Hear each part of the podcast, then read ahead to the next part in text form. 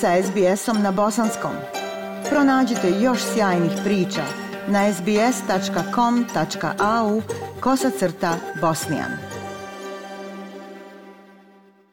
Aisha, pozdrav tebi i slušateljima SBS radija. U Sarajevu je 31. januara održan sastanak lidera stranaka Osmorke o formiranju vlasti na nivou Federacije Bosne i Hercegovine i u kantonima i to je e, prvi sastanak kon dramatičnih dešavanja kada je SDP Bosne i Hercegovine zbog stranke za BiH, Narodnog Evropskog saveza i pokreta za nove generacije ostao bez delegata u Domu Domu naroda Bosne i Hercegovine. I upravo iz SDP-a su najavili snažan odgovor. Poručeno je da je osmorka, zapravo postala sedmorka, i da ne računaju na Damira Marjanovića i e, za pokret e, za nove generacije. E, predsjednik SDP-a Nermin Nikšić je jasno kazao da stranka za nove generacije više neće biti partner trojke, dakle misleći na svoju stranku SDP, zatim Narodi pravdu i našu stranku i da dakle kažem e, ova stranka za nove generacije neće više biti partner ove trojke ni na jednom nivou vlasti. Kako je Nikšić kazao u narednim danima pokušat će se osigurati potpisi poslanika ove grupe stranaka kako bi demonstrirali većinu u predstavničkom domu parlamenta Federacije Bosne i Hercegovine, odnosno da bi se što prije dovelo do kraja formiranja vlasti na nivou Federacije Bosne i Hercegovine, tačnije formiranja vlade Federacije Bosne i Hercegovine. Evo poslušajte u nastavku šta je nakon ovog sastanka kazao predsjednik SDP-a Nermin Nikšić. Ono što smo usaglasili i što je nekakav naš e, konačan stav, da kad je u pitanju stranka za nove generacije, trojka je više ne smatra partnerom, sama ne mogu biti kombinacije ni u, Sarajevskoj kantonalnoj vladi, ni u federalnoj vladi, svakako na državnom nivou nisu dio te priče. Ali ono što su druge stvari o kojima smo razgovarali, to je da u ovom periodu koji je e, pred nama pokušavamo do ponedeljka najkasnije da osiguramo potpise naših zastupnika koji bi demonstrirali jasnu parlamentarnu većinu u predstavničkom domu parlamenta federacije, što bi onda prezentirali OHR-u i partnerima iz međunarodne zajednice i naravno nakon što Centralna izborna komisija obavi svoj posao da sjedemo i donesemo odluku kao partneri dva bloka, da li da biramo, da li da podržimo rukovodstvo federacije ili ne. Još uvijek su tu podijeljena mišljenja da ili ne izabrati i podržati podpredsjednika Federacije iz reda Bošnjačkog naroda koji dolazi iz SDA ili ne podržati o tome, kažem, razgovaramo i sa našim partnerima iz međunarodne zajednice da vidimo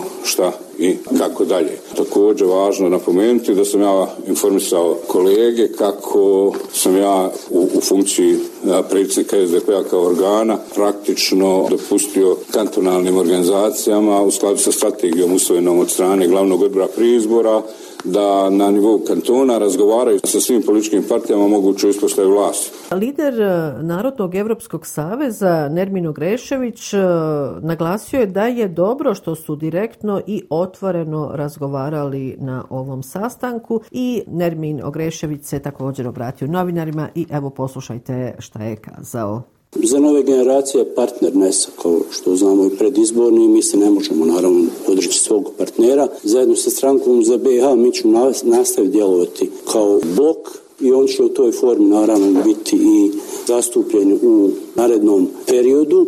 Svako od nas mora naravno voditi računa o dogovorima koje smo imali, o držanju riječi i tako dalje. Ja se nadam u ovome teškom procesu da ćemo mi uspjeti da izađemo uspješno i moram na kraju konstatirati da mi nismo imali sa SDP-om dogovor oko domova naroda. Prva sjednica novog saziva Vijeća ministara Bosne i Hercegovine održana je 2. februara. Ministar vanjskih poslova Bosne i Hercegovine Elmerin Konaković je nakon ove sjednice Vijeća ministara govorio između ostalog o formiranju vlasti na nivou federacije i izazovima sa kojima se u posljednje vrijeme suočava takozvana osmorka. Na pitanje novinara hoće li doći do rekonstrukcije Vijeća ministara zbog nemogućnosti da osmorka u trenutnim okolnostima okolnostima formira vladu Federacije Bosne i Hercegovine, Konaković je rekao da se to neće desiti. Dodao je da su formirali državnu vlast i imenovali rukovodstva parlamenta na različitim nivoima puno brže nego što se očekivalo. Ponovio je da većinu u vladi Federacije imaju ministri iz HDZ-a, SBB-a i NIPA, i da u vladi neće biti implementacije politike koja je zemlju dovela, kako istakao, na rub ponora. A kada je konkretno riječ o budućem radu Vijeća ministara Bosne i Hercegovine, ministar vanjskih poslova Elmedin Konaković je kazao da će sigurno na jednoj od narednih sjednica Vijeća ministara biti smijenjen direktor obavještajno sigurnosne agencije Bosne i Hercegovine Osman Mehmedagić. Evo, dakle, šta je upravo o tome kazao ministar vanjskih poslova Bosne i Hercegovine Almedin Konaković. Kad je reč o osi, to nikakva više nije tajna. To je zapravo pitanje procedure potpuno jasno, jednostavno najbrže će se desiti zato što tako zakon nalaže. Očekujem da ćemo na narednoj sjednici razriješiti direktora Osmana Mehmedagića, imenovati novog direktora i njegovog zamjenika. 31. januara održana je i sjednica predstavničkog doma Parlamentarne skupštine Bosne i Hercegovine i poslanici u ovom domu su usvojili izvještaj zajedničke komisije oba doma o saglašavanju teksta zakona o izmjenama zakona o akcizama u Bosni i Hercegovini, čim bi se usvajanjem omogućilo smanjenje cijene cijene goriva za pola konvertibilne marke.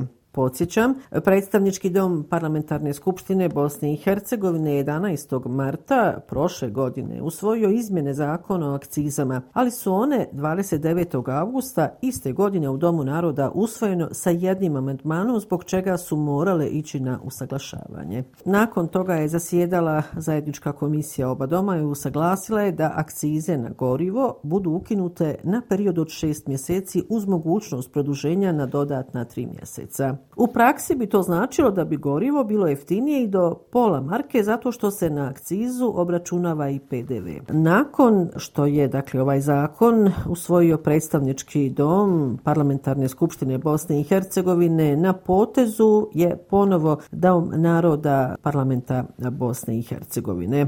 Na ovoj sjednici poslanici su razmatrali i prijedlog zakona o platama i naknadama u institucijama Bosne i Hercegovine, čiji je cilj smanjiti plate imenovanim i izabranim zvaničnicima. Prijedlog zakona dostavio je klub Stranke demokratske akcije da bi se on razmatrao po osnovnom postupku, a tokom glasanja nije bilo opće većine za mišljenje Komisije za financije i budžet. Komisija se zadužila za formiranje novog mišljenja, nakon čega će se ponovo raspravljati o o pomenutom prijedlogu. S vremena na vrijeme govorimo o korupciji u Bosni i Hercegovini i manje više tu smo na nekako negativnoj tabeli. Naime, po novim istraživanjima Bosna i Hercegovina treća je zemlja u Evropi po korupciji, a ispred nas su samo Ukrajina i Rusija. U pogledu indeksa percepcije korupcije i prema rezultatima za prošlu godinu, Bosna i Hercegovina sa ocjenom 34 na skali od 0 do 100 zauzima najniže mjesto u regionu i treće je najgore mjesto u Evropi.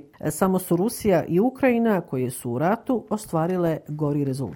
I upravo je ovo istaknuto na preskonferenciji u Sarajevu, na kojoj su rezultate globalnog indeksa percepcije korupcije za prošlu godinu godinu predstavili predsjedavajući upravnog odbora Transparency Internationala u Bosni i Hercegovini Srđan Blagovčanin i Ivana Korajlić, izvršna direktorica ove organizacije. Čelnici Transparency Internationala upozoravaju kako aktuelno stanje u Bosni i Hercegovini zahtjeva hitnu akciju na zaustavljanju daljnje devastacije državnog i institucionalnog okvira, bez čega je nemoguće očekivati otpočinjanje važnih reformskih procesa koje podrazumijeva dodjela kandidatskog statusa za članstvo u Evropskoj uniji. Evo, Aisha, za kraj još jedna informacija. Nekadašnji pripadnik armije Bosne i Hercegovine Husein Mujanović, koji je u Srbiji osuđen na ratni zločin, izašao je 30. januara na slobodu. Naime, apelacioni sud u Beogradu smanjio je prvostepenu kaznu sa 10 10 na 4,5 godine zatvora. On se optužnicom srbijanskog tužiteljstva teretio da je kao upravnik pritvora snaga armije Bosne i Hercegovine u mjestu Hrasnica, pored Sarajeva, držao zatvoreno oko 30 civila srpske nacionalnosti bez zakonskog osnova i odluke nadležnog organa i da je prema njima postupao nečovječno i nanosio im teške duševne patnje tako što im nije osigurao minimum uvjeta za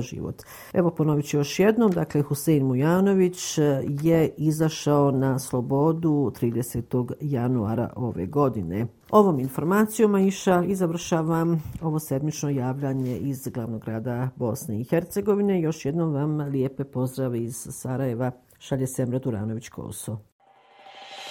SBS na bosanskom. Podijelite naše priče preko Facebooka. Želite poslušati još ovakvih priča? Slušajte preko Apple podcasta, Google podcasta, Spotify ili kako god da primate svoje podcastove.